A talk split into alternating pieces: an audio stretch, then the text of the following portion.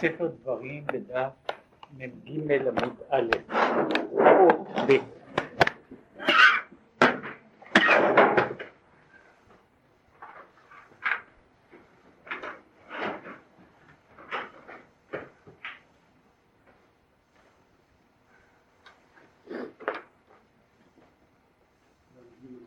כן, באות הראשונה דיברנו על העניין הזה של השאלה שעמדה עמדה בפנינו הייתה הבעיה של תוכחה, ככה אנחנו מבינים את זה, של תחת אשר לא עבדת את השם אלוקיך בשמחה, אה, הרי שמחה היא מדרגה מיוחדת שלא מגיעה לכל אחד, איך אפשר לבוא לכל ישראל בטענה כזאת? עכשיו, לפני שהוא נכנס לבעיה הזו, הוא דיבר על העניין של אם תאירו ואם תעוררו את האהבה. ודיבר על האופנים שיש להארת האהבה, אהבת השם, על ידי האדם. והנה, יש שני מיני אהבות. יש אהבה שנעשית מאליה על ידי התבוננות בהוויה אחד, והיא כשלהבת העולם מאליה ובוערת כרשפי אש, ואין בה שום מבוקש. כן? יש סוג של אהבה שהוא אומר, הוא מתבונן במה שמתבונן, כל אחד הרי יש לו אופן אחר, דרך אחרת, זווית אחרת של התבוננות. וכאשר הוא מתבונן פורצת בתוכו אהבה לשם אחד.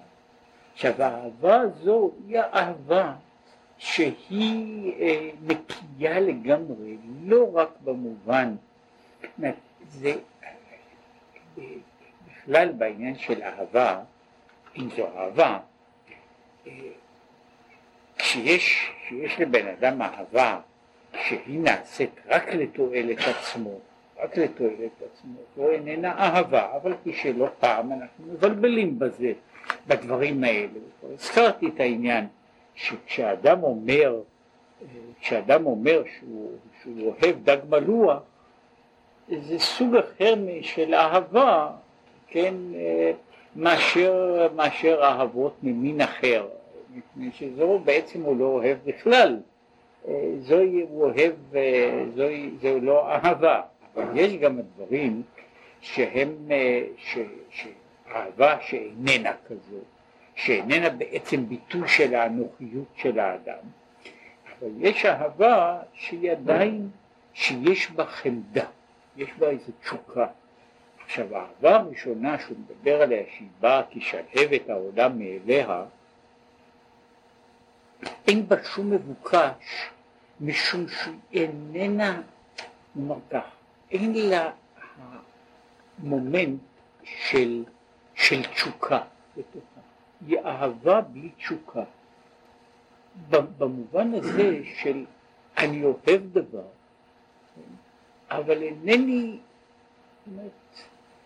אה, זוהי, זוהי הרגשתי הפרטית, כי בעצם היא אפילו במובן מסוים היא לא נוגעת למערכת היחסים ביני ובין הנאהב.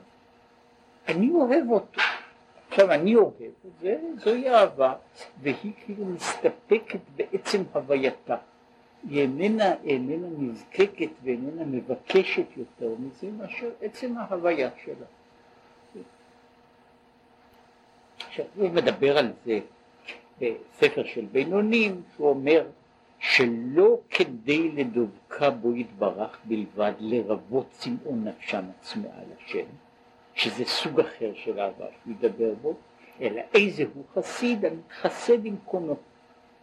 הוא מדבר שם על מה יפית ומה נעמת אהבה בתענוגים וכולי בעניין הזה, הוא קורא לזה עולה משום שעולה מאליה והיא היא לא תלויה לא בהרגשת חיסרון וכמו שאמרתי גם לא בהרגשת, בהרגשת תשוקה, היא הרגשה אל הדבר בעצמו והיא חוויה, חוויה אנושית פרטית, פרטית של, של האדם. זאת אומרת, אני רואה דבר אם אני אקח את הדוגמה שהיא כמדומני מאוד מצויה. יש אנשים שאוהבים פרחים. קורה. עכשיו, השאלה היא, כשאני רואה פרח יפה, האם אני רוצה לקטוף אותו או אינני רוצה לקטוף אותו? זוהי, זוהי שאלה שאיננה תלויה רק בשאלה אה, אם נוח לפרח שיקטפו אותו, זוהי בעיה ממין אחר. אה, אני לא, לא אומר רק על, על השאלה, בבעיה הזו אני רואה דבר יפה. אני יכול לאהוב אותו מרחוק. אני יכול לאהוב אותו באופן הזה שאני רוצה שהוא יהיה שלי. עכשיו זה לא אומר שאני אעשה בו איזשהו שימוש. יש הרבה מאוד דברים שכל מהותם היא ביופיים, אבל אני רוצה הרגשת שייכות. יכול להיות דבר שאני הולך ואני רואה דבר יפה. אני, אה, אני מלא התפעלות ומלא ומלא תחושות, אבל אין לי שום תשוקה לקחת את זה, אין לי, אין לי שום הרגשה שזה חסר לי, זה, זה יפה מאוד, הפרח הזה נמצא במקומו, ואני אינני זקוק שהוא יהיה אצלי בבית. רק לא משום שאני רוצה לשלול אותו מאחרים. באמת כל העניין הזה, מה זה, אני שמחתי לראות אותו, ועכשיו אני חוזר הביתה, ואני עדיין שמח באותה שמחה עצמה, אני ראיתי דבר יפה, מדי אזכרנו, אני שוב חש אותה, אותה, אותה חוויה עצמה. יש, יש דבר, והוא אומר את זה, יש אהבה שנית, שחפץ ומשתוקק לדבקה בו ידברה.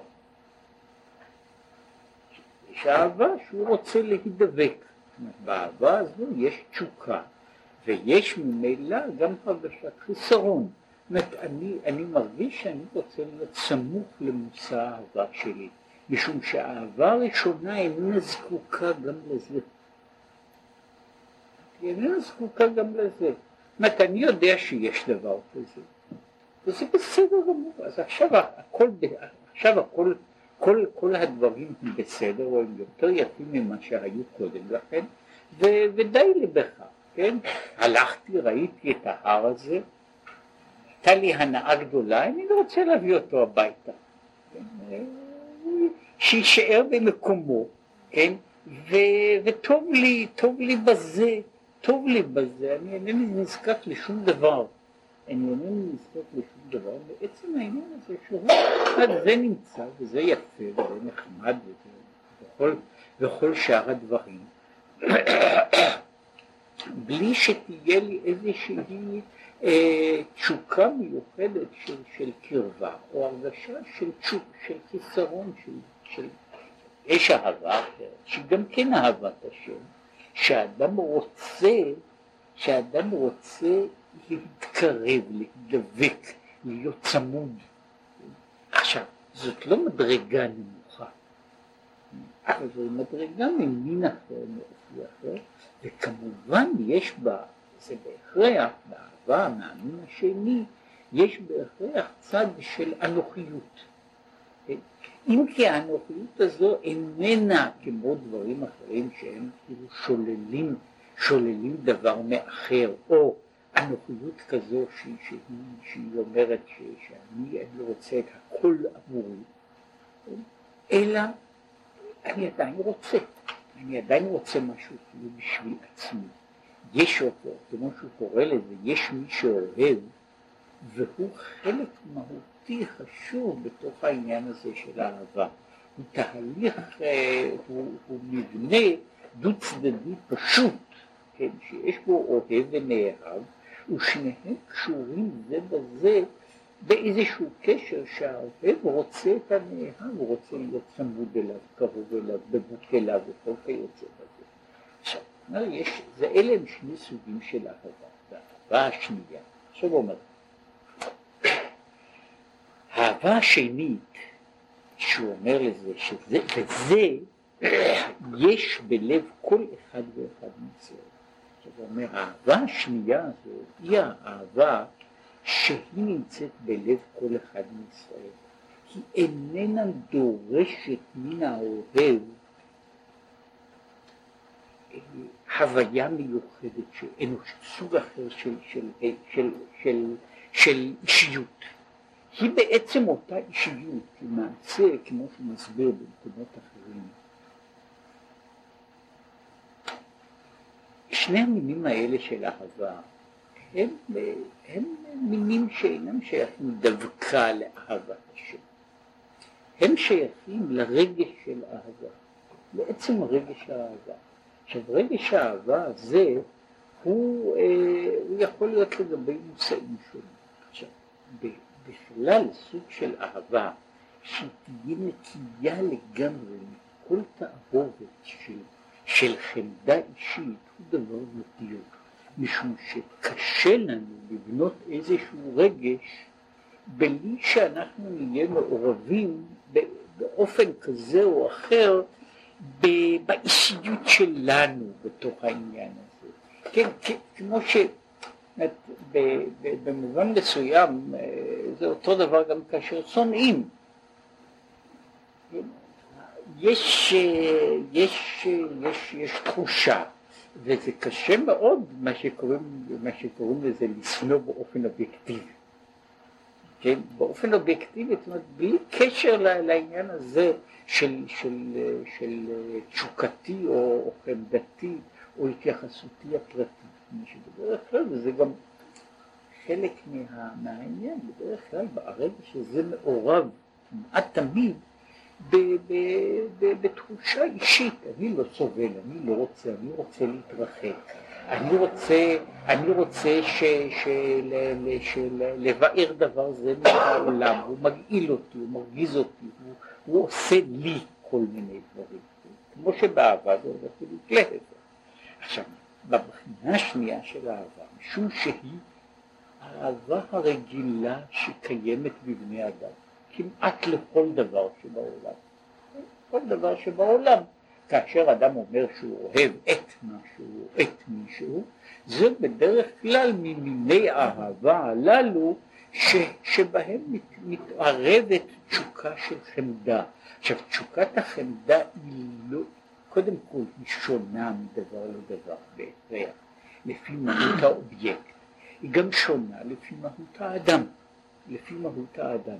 עכשיו, אבל בכל אופן שיהיה, בכל דרגה שתהיה, היא תמיד קשורה לעניין הזה של אני נמצא, ויש דבר שאני אוהב.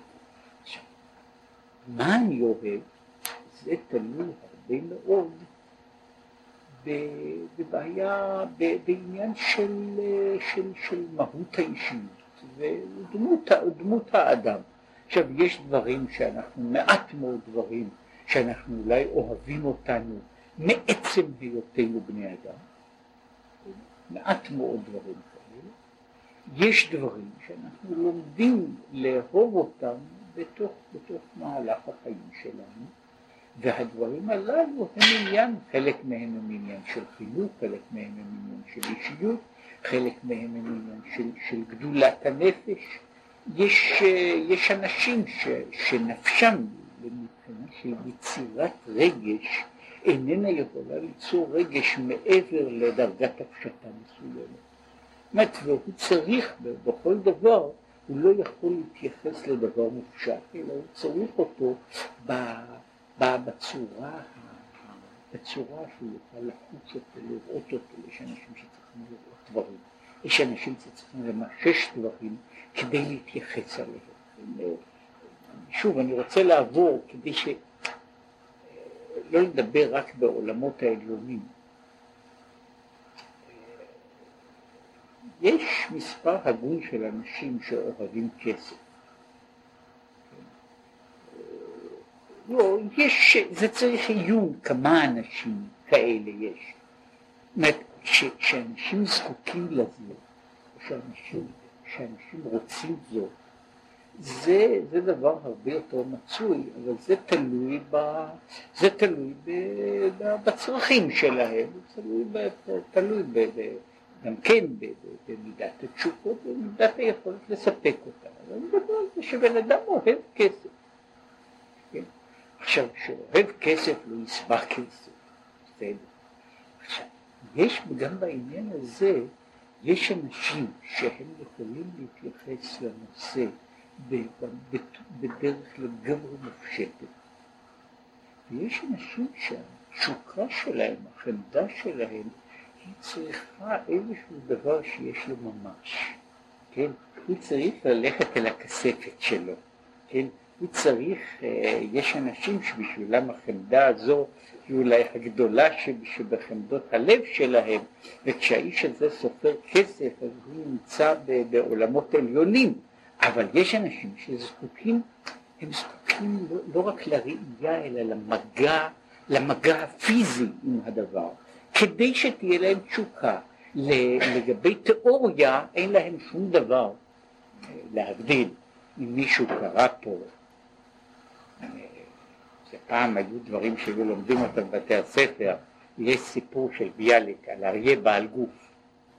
עכשיו הסיפור הזה מדובר על אדם פשוט, שהוא באמת לא יכול להתייחס לקניין, אלא בצורה שהיא תהיה מוחשית וממשית.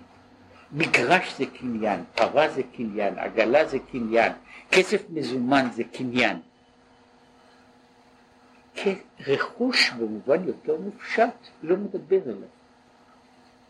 לכן אני אומר שיש בזה, אפילו בדברים שהם דברים חומריים, יש דרגות של הפשטה. עכשיו, מבחינה זו בוודאי שאהבת השם היא דרגה גבוהה של הפשטה. חלק מהעניין של החינוך, שמנסים לחנך ולהתחנך, ולהגיע לדרגה מספקת של הפשטה.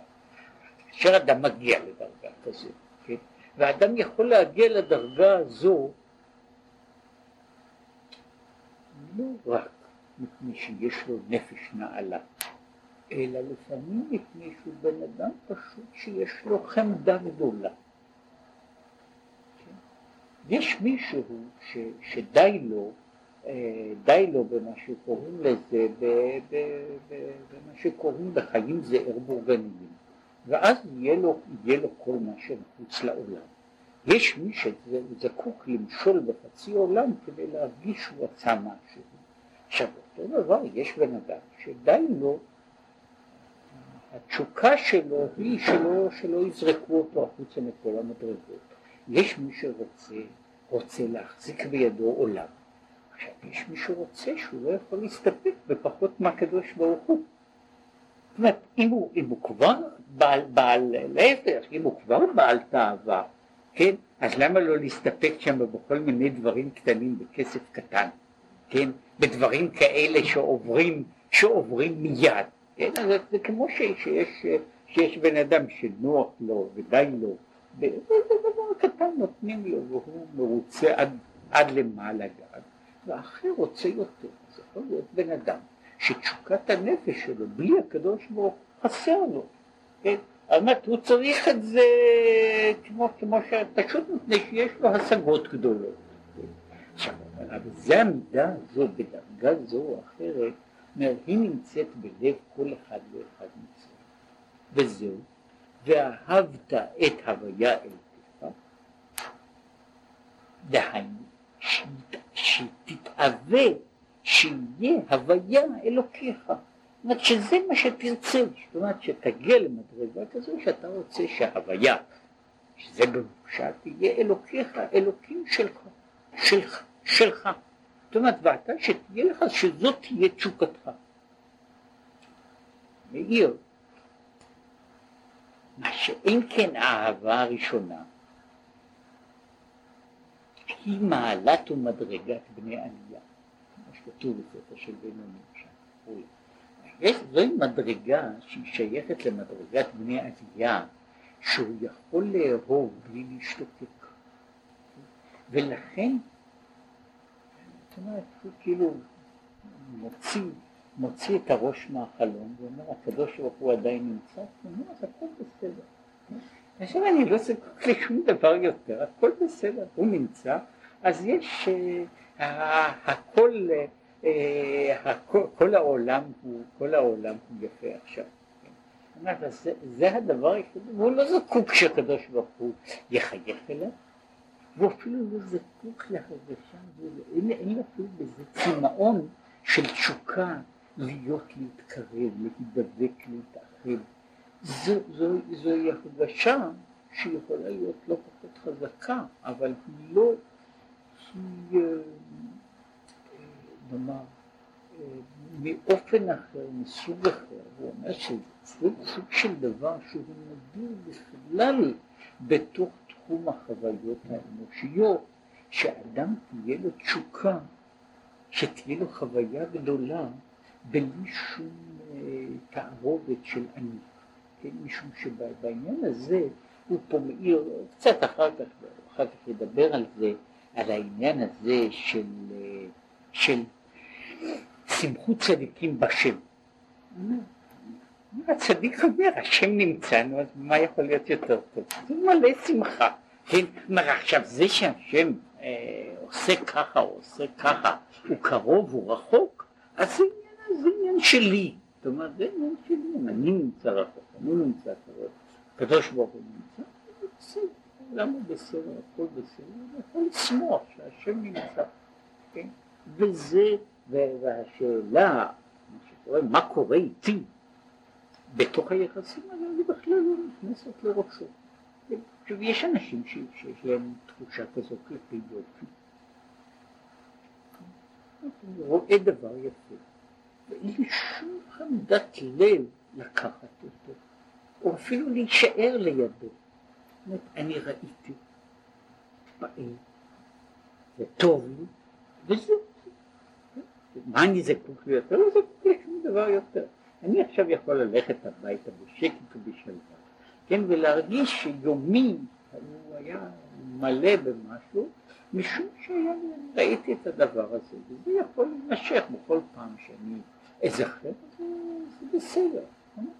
יש חוויה, יש, יש חוויה כזאת, שהיא איננה, שהיא איננה נזקקת לתחושה, לתחושה של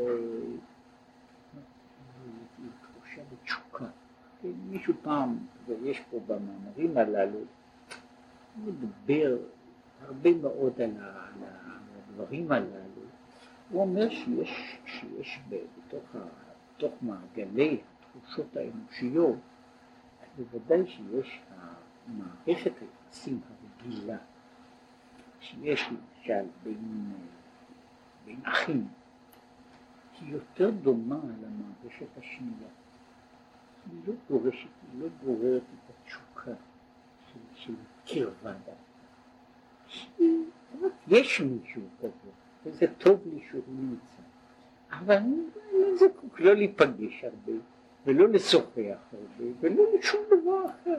הוא נמצא, ובוודאי שהיעדרו יהיה כאב גדול, מציאותו היא דבר, אולי לא שמחה גדולה, אבל היא חוויה, היא חוויה טובה, ואינני נזקק לדבר אחר. עכשיו, למשל, ביחסים בין איש ואישה זה כמעט לא נמצא מערך כזה של יחסים, משום שהמערך הזה הוא תמיד כרוך באיזושהי תשוקה, כן?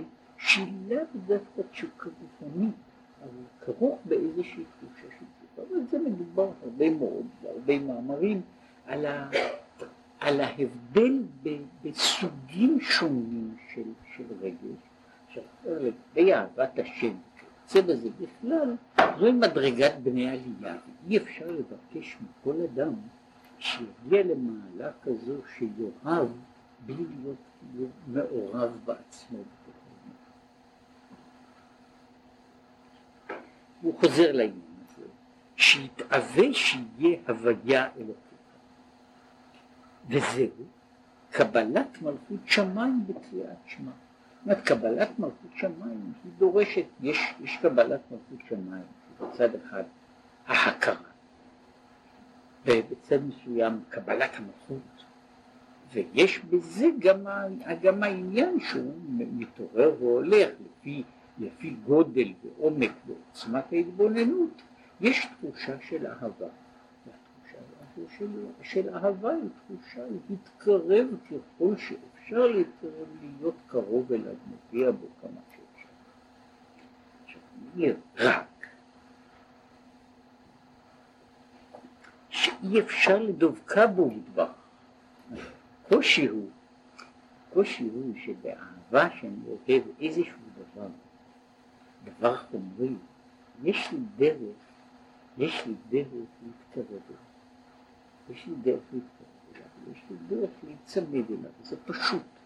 והדרכים האלה, אז אם זה דבר חומרי, אז אני יכול, אני יכול להיצמד אליו באופן, באופן פיזי. אפילו דבר לא חומרי, אני יכול לעשות מה שהרגש אליו הוא לא, הוא לא, הוא לא חומרי. אני יכול בכל אופן להיות קרוב אליו. עכשיו שיש יש מושא, מושא רוחני. אני עדיין יכול להתקרב אליו באופן אחר, על ידי תפיסת הלב, תפיסת הדעת. זאת אומרת, נתאר לעצמנו שיש בן אדם שאוהב מתמטיקה. מסתבר שיש פה ושם אנשים כאלה. עכשיו, איך האדם הזה מבטא את ההרגשה הזו שלו? על ידי זה שהוא עוסק בזה. על ידי זה ככל שהוא עוסק בזה יותר. הוא מרגיש יותר את התחושה של האהבה שהיא, שהוא מגיע לעניין של דבקות.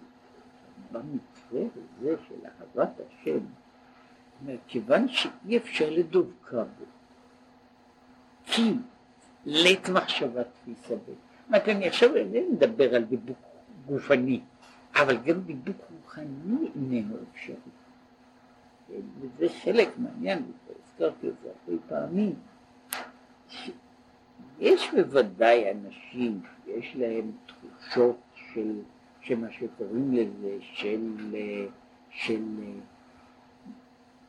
של אהבה גדולה, ושהם נמסים באהבת השם וכיוצא בזה. עכשיו, הבעיה היא שמכיוון שהקדוש ברוך הוא לית מחשבה תפיסה בי, וכשאנחנו אומרים לית מחשבה תפיסה אז שום דבר אינו יכול לקלוט אותו.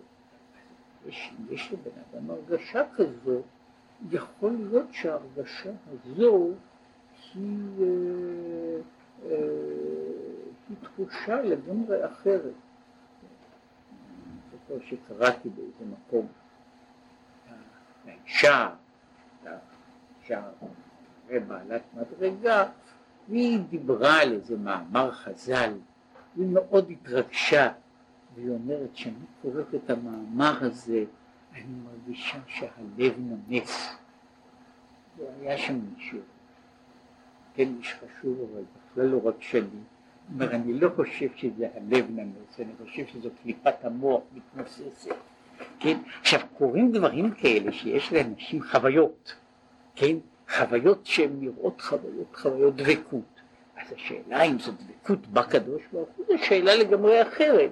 יש לבן אדם חוויה, היא לא בהכרח חוויה של דבקות בשם, יש לו חוויה של משהו, כן? וכשמשהו ינמס זה לא אומר שמה שינמס זה בדיוק זה, כן? קוראים לאנשים דברים כאלה שהם חושבים, משהו מתמסס והולך, זה לא הדבר הנכון. שהוא ידברה נקרא סתימו בכל סתימים, תמירה בכל תמירים. סתום כל הסתומים, נעלם מכל הנעלמים.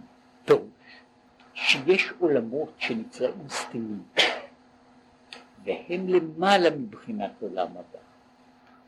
הוא יתברך סתים ונעלם גם מהם שאינם משיגים אותו. זאת אומרת, הוא סתום גם לעלמין סתימים. וכן תמירה בכל תמירים.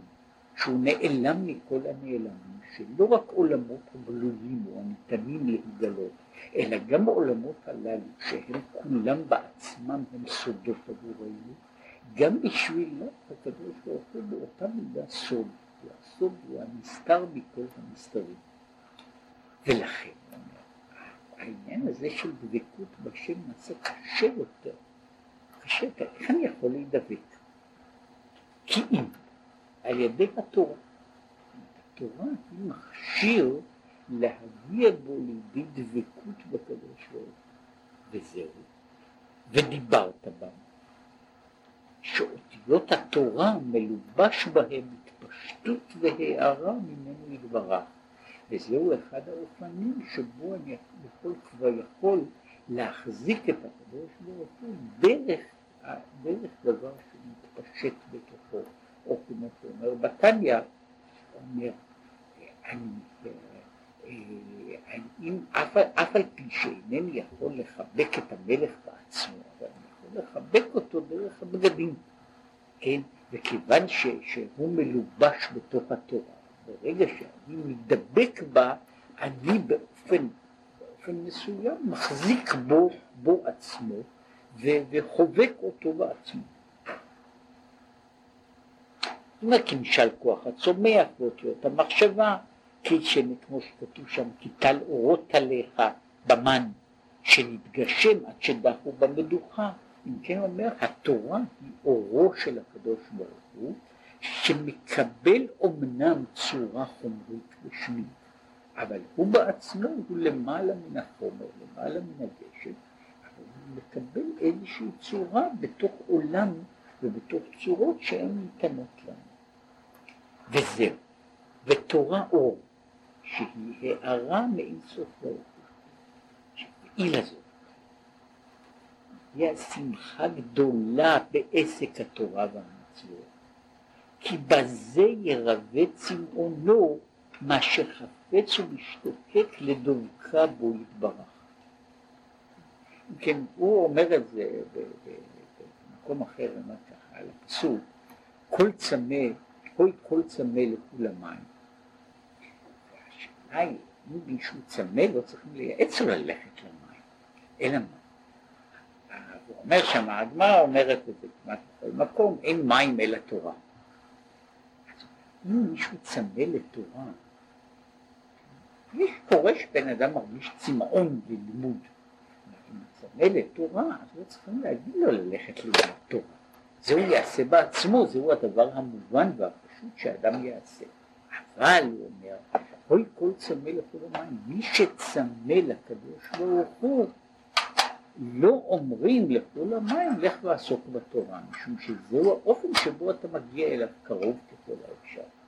ולכן אומר השמחה בתורה ומצוות באופן שבו בן אדם מגיע לרבות את הצמאון של הרגשת ההתקרבות וההתקשרות וההידבקות בהשם אחד. זה כל העניין הזה של המצווה. שספרי החסידות אומרים שמצווה היא מלשון צוותא. עכשיו, כשאדם עושה מצווה, הוא נהיה בצוותא לא רק עם המצווה, אלא בצוותא, זאת אומרת, הבעיה, הלולב כשלעצמו, גם לולב של מצווה, בסך הכל לולב. כן? אבל המצווה של הלולב היא התקשרות עם הקדוש ברוך הוא. התקשרות עם הקדוש ברוך הוא. לעסוק בשור שנגח את הפרה, אז אני עוסק בשור שנגח את הפרה. אבל כשאני עוסק בתורה, אני מתדבק במחשבתו של הקדוש ברוך הוא.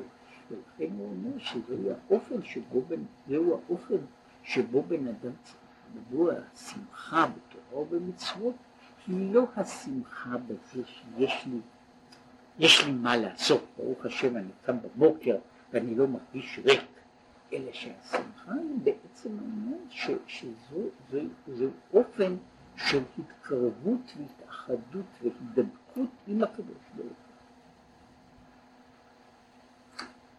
עניין, וזה מה שכתוב בכמה מאמרים, זה נאמר, תחת אשר לא עבדת את השם אלוקיך בשמחה ובטוב לבב. כי בחינת שמחה זו מעבודה בתורה ומצוות, שבזה מרווה צמאונו, יוכל כל אדם להגיע אליה. אם כן אומר, הסוג הזה של, של שמחה, לו של, של, של שמחה ב, ב, בהתקשרות עם השם, שיש לה דרך של, של ביטוי. זאת אומרת, אני יכול להתקשר אל הקדוש ברוך הוא, אני יכול לבטא את ההתקשרות הזאת, יש לי, יש לי אופן לזה, וה, והשמחה הזו היא השמחה של קר, קרבת השם. קרבת השם הזו היא דבר שהיא שווה לכל נפש, ולכן אפשר לומר לכל אדם שהוא צריך לעבוד את השם בשמחה, משום שזוהי הרגשה, בהרגשה הזו אני אינני תובע מן, מן האדם דבר שאין אדם יכול לעמוד בו.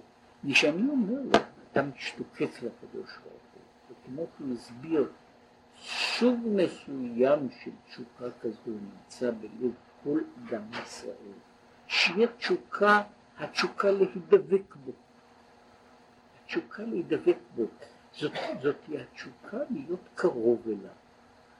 כיוון שאתה יכול להתקרב אליו, אתה יכול לבטא, התשוקה הזו איננה צריכה להישאר רק בתור חלום, אלא יכולה להגיע לידי ביטוי. אפשר להתקרב אל הקדוש ברוך הוא. שאפשר להתקרב אליו ולהידבק בו, יש במה לשמוח, וזהו העניין הזה שאפשר לתבוע מכל אדם לשמוח בשם. כן? זה מה של... זה העבודה שהוא קורא לה עבודה בשמחה. עבודה בשמחה, אף על פי שהיא בוודאי דורשת התבוננות. כמו שהוא אמר, כל דבר שבעולם דורש מידה מסוימת כמעט כל חוויה דורשת איזושהי מידה של התבוננות. בלי שום התבוננות בכלל כמעט כל החוויות מאבדות את המשמעות שלהן. לא רק חוויות, חוויות מופשטות, אלא גם חוויות הרבה יותר ארציות מאבדות את המשמעות.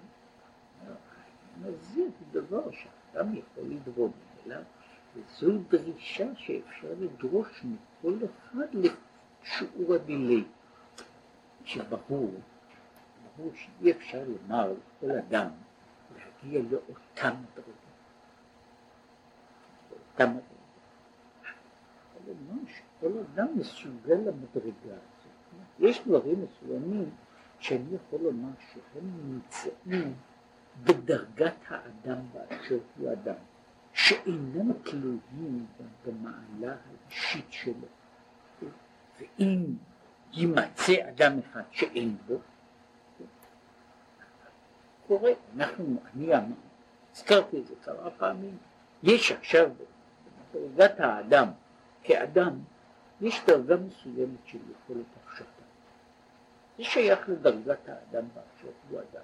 לכן כל אדם, כל אדם שהוא בתוך התחום של אדם, הוא מסוגל איכשהו ללמוד לעשות דבר מופשט כל כך כמו ללמוד לקרוא. והזכרתי כבר שאחד הדברים המפתיעים בזה הוא שאפשר ללמד, בדוק ומנוסה, שלימדו לקרוא ולכתוב גם בתוך תרבויות כאלה שבעצמן, בתוך כל השנים של הווייתן, מעולם לא פיתחו תרבות של כתיבה. זה לא רק נכון שאפשר ללמד אדם שפה חדשה, אלא גם תרבויות, למשל כמו האוסטרליה, שמעולם לא הייתה להם כתיבה. לא היה להם דבר כזה, המושג הזה לא היה קיים אצלם. כשלקחו ילד משם, או אדם מבוגר, הוא יכול היה ללמוד לקרוא ולכתוב, זה נמצא בתוך המערך של המוח האנושי. זה נמצא במערך של המוח האנושי, אף על פי שהוא לא תמיד מגיע לידי, לידי, לידי, לידי גילוי, נאמר במקום הזה לא גילו את הדבר? אבל המוח האנושי. מה קורה כשנולד, מה שקוראים לזה לא עלינו, ילד שלא מסוגל? הוא מסכים, הוא בעל מה? הוא בעל מון, ואני צריך לראות אותו כבעל מון, כאברציה, כתאונה. כן, בצד הזה. אמרתי זה בדיוק כמו שאני הייתי אומר אותו דבר, היכולת הזו ללכת על שתי רגליים היא תבואה במין האנושי.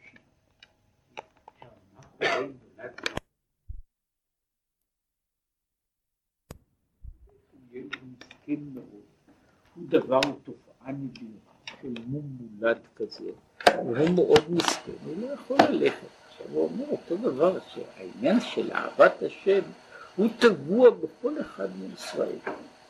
במדרגה הזו הוא טבוע בכל אחד. עכשיו אם יימצא אחד כזה שאין בו, הוא, זאת אומרת, זה כמו שנמצא מישהו שיש לו איי-קיו של 15, זה, זה נורא עצוב, זה הכל, זה, זה כל מה שאפשר להגיד, אז אם פוגשים איש כזה, אז צריך לרחם עליו רחמים רבים, כן, שהוא uh, מסכן, נולד אידיוט גמור.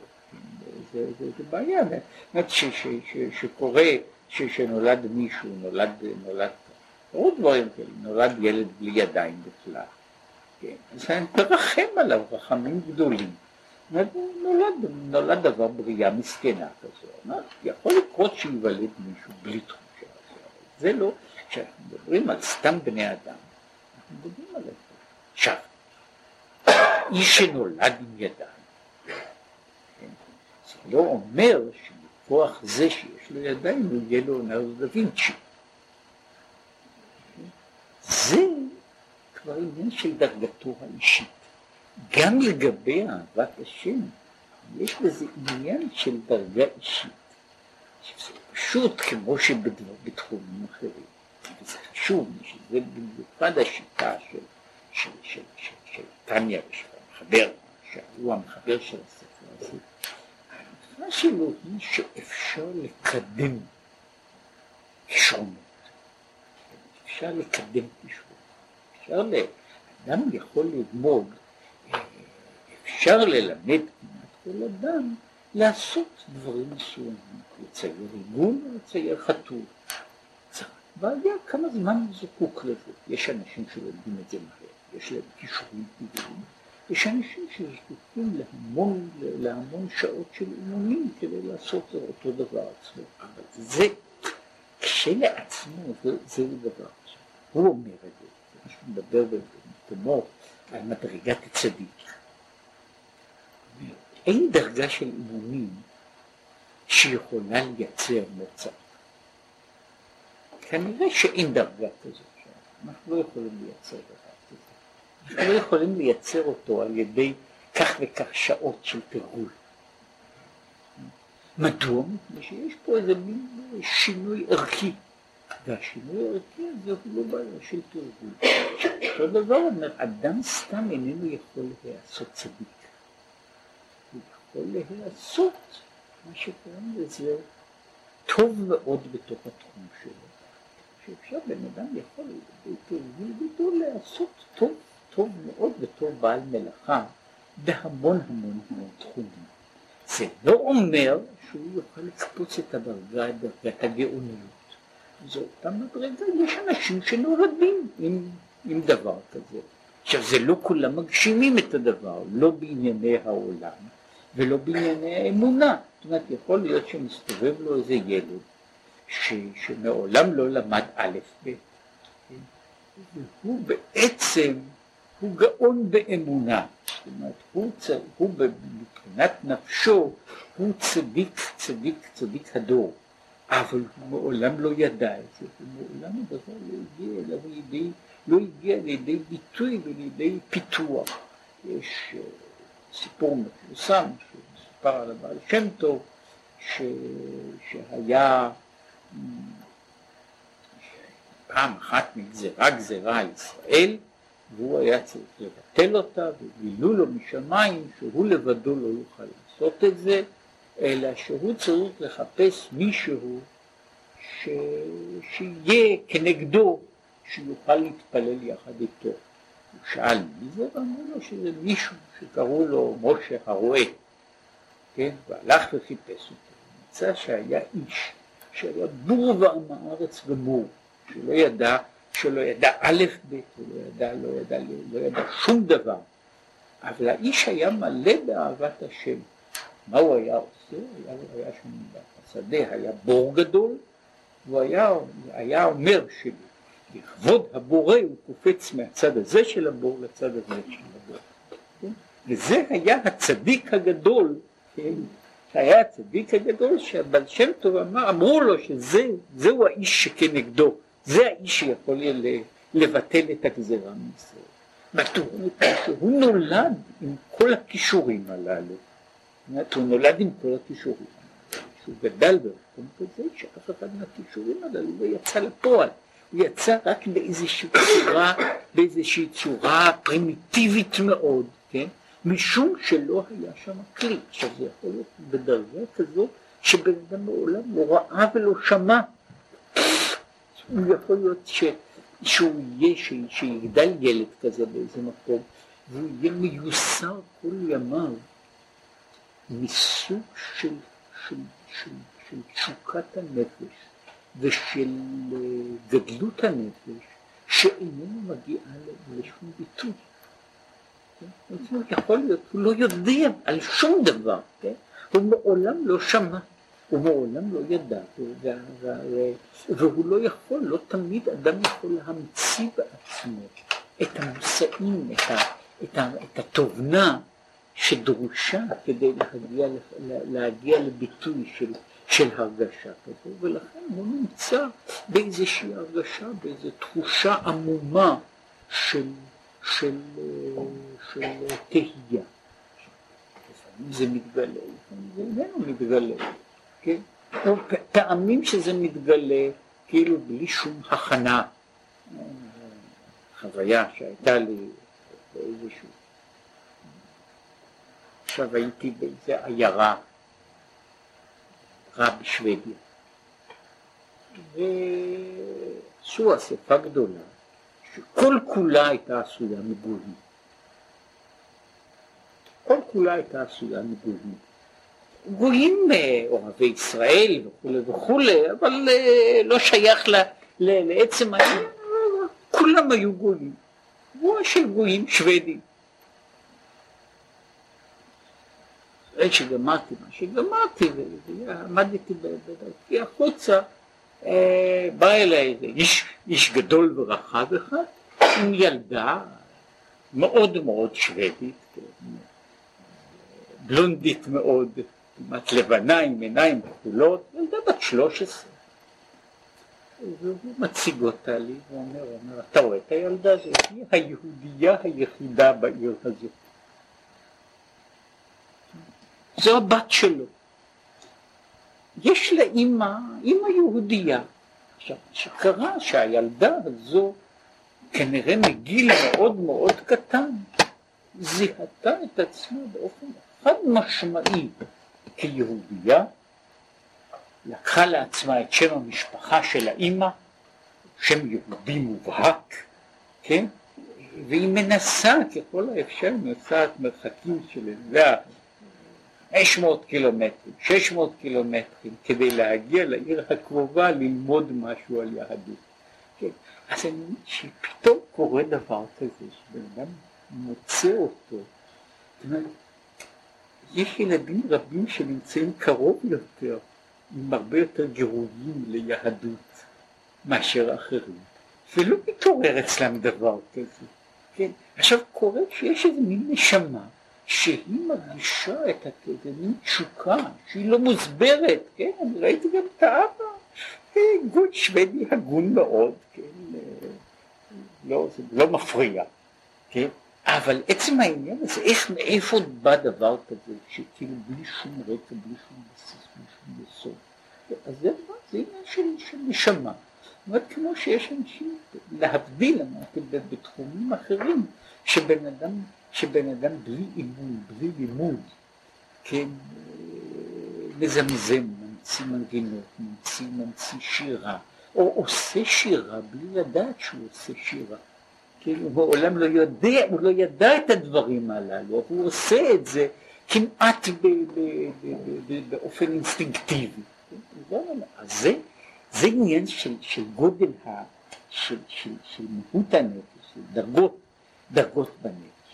יש דרגה, הדרגה הבסיסית הזו של היות האדם ישראל עם תשוקה לשם, היא קיימת בו באשר הוא, ומשום כך גם יכול להגיע לשמוח בשם מתוך זה שהוא דבק בתורתו ובמצוותיו, משום שהוא יודע שזה אופן שבו הוא יכול לבטא, להגשים את תחושת את תחושת הצמאון שלו, את, את, את הביטוי הזה הוא יכול לבטא על ידי זה, את התקרבותו אל ברוך הוא, על ידי זה הוא נעשה, הוא נעשה קרוב יותר ונוגע יותר בקדוש ברוך הוא. וזה אומר, זה דבר שאפשר לדבר עליו עם כל אדם בישראל. כן, יש דרגות, זאת אומרת שהוא קורא לזה דרגות הצדיקים. אז זה אני יכול לתבוע מכולם. אני יכול לתבוע מכל אדם.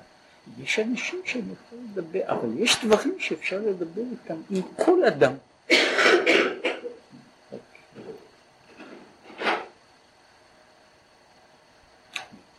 אך הנה, יש שתי בחינות בלימוד התורה. אחד, תכף אחר התפילה, שמעוררת אהבה. עם התפילה, הוא מניח שהתפילה הייתה תפילה, כן?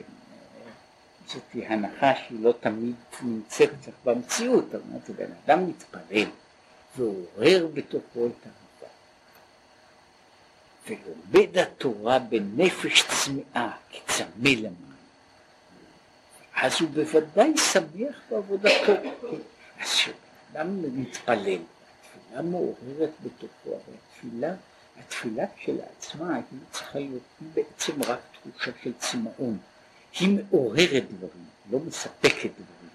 ולכן הוא אומר שאחרי התפילה הוא יושב ועוסק בתורה. נשאר. הגיע נפשו לאיזושהי, לאיזושהי הרגשה של רווחה, כמו אדם צמא ששותה קצת מים. שראיין שם בעניין הזה שהתענוג הוא שייך אחר מילוי הרצון. וכשבן אדם יש לו רצון, אז ממילא יש יש לו תענוג ושמחה ברגע שמתמלאת הרצייה שלו. ובחינה השנייה הוא, כשנופל מבחינת האהבה, יש, יש מדרגה כזו, המדרגה הראשונה היא שבן אדם מגיע לאהבת השם, והוא עכשיו רוצה לעשות אז הוא אומרים לו, יש לך פה דבר, הוא עושה, אה, הוא נרגע. סיפרו על הרבי מברדיצ'ב, סיפרו עליו, אחד הסיפורים שאחרי יום הכיפורים, כן, ועשו אומר, אני צמא, אני צמא, צמא, לשתות מחלף, מחלף של נשרף. מה הם יכולים לעשות? נותנים לו, מנסים, שום דבר. ואז הוא אומר, טוב, שייתנו לו גמרא. כן, לקח גמרא, למד כל הלילה, ובבוקר הוא אומר, אה, נרגעתי קצת. כן, אז הוא מדוע? הוא עבד עבודה גדולה ביום הכיפורים.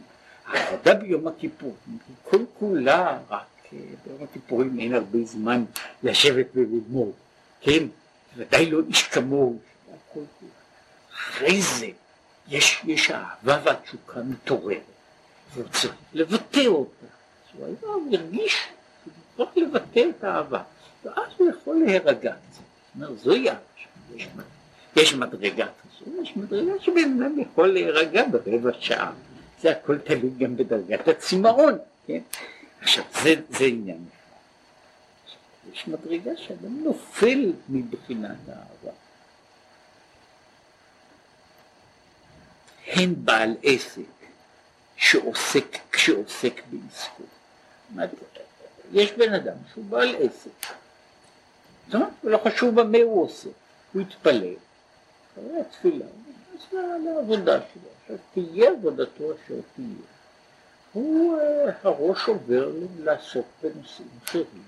עובר לעסוק בנושאים אחרים. והתחושות הקודמות, אפשר לראות את זה להבדיל גם כשבן אדם מתעורר אצלו תשוקה אחרת, שהוא חושב עליה והוא כולו בוער, ואז הוא נכנס לעבודת היומיום שלו, ולאט לאט זה לא משהו שוטף, נופל מהתחושה הזו, מה, מההרגשה האקוטית הזו של האהבה.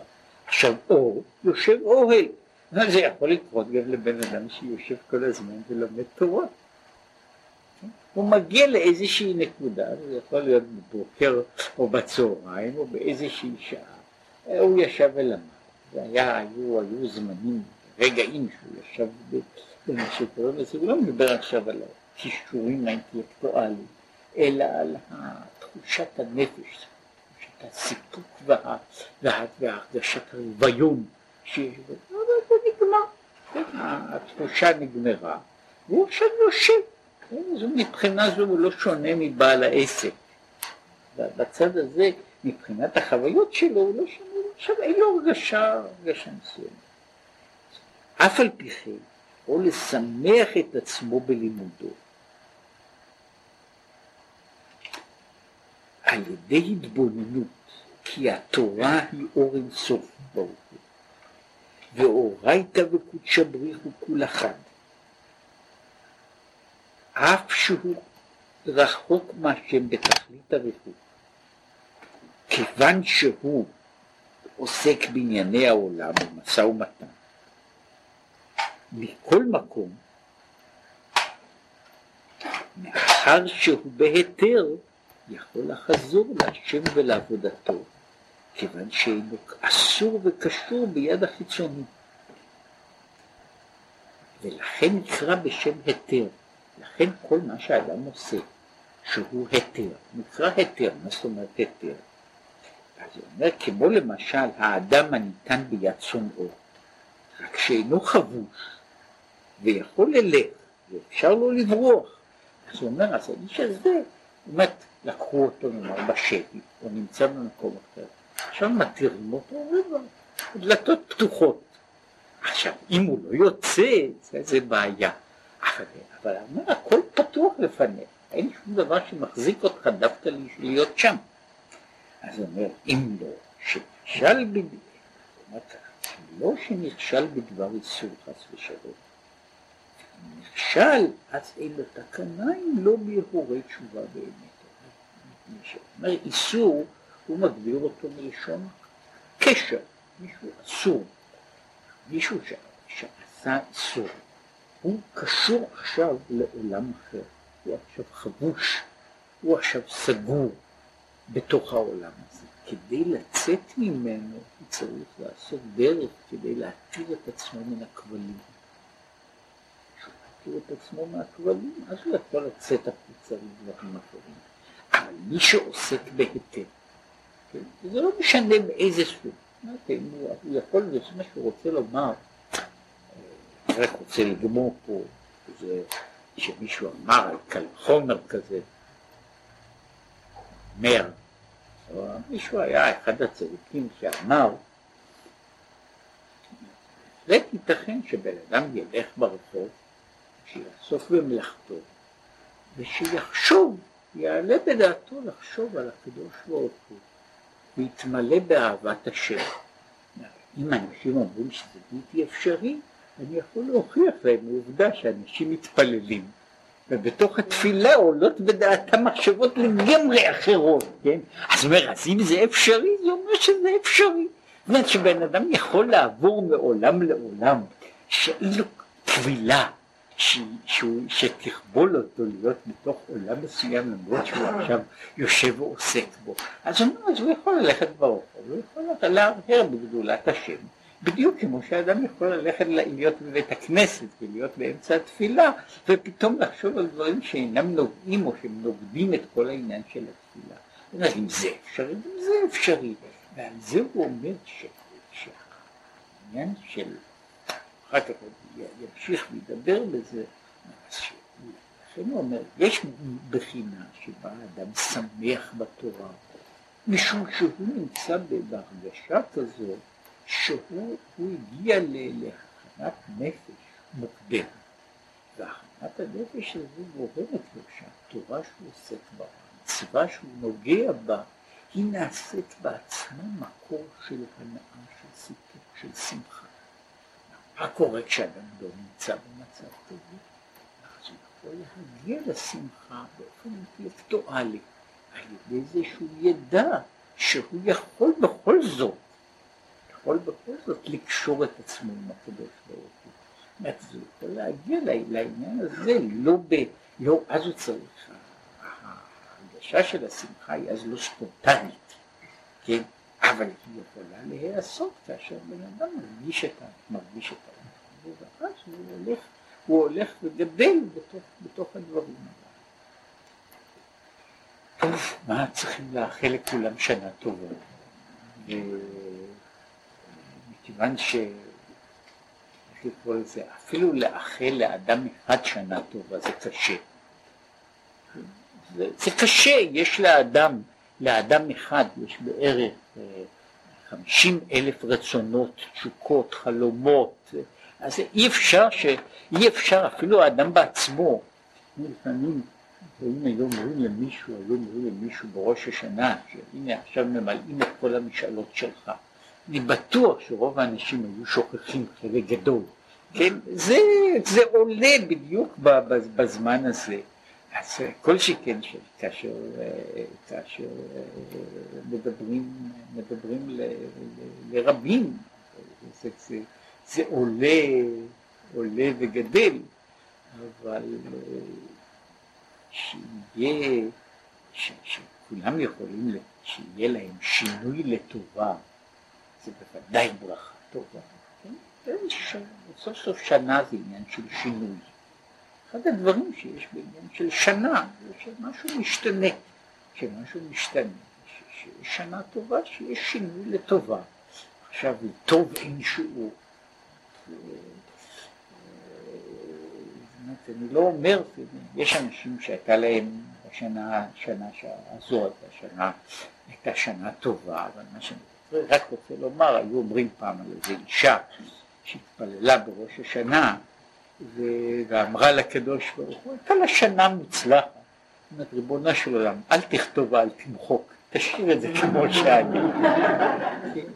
אז אני אומר שאפילו כשהייתה שנה טובה, אז אפשר תמיד לאחל שתהיה שנה יותר טובה.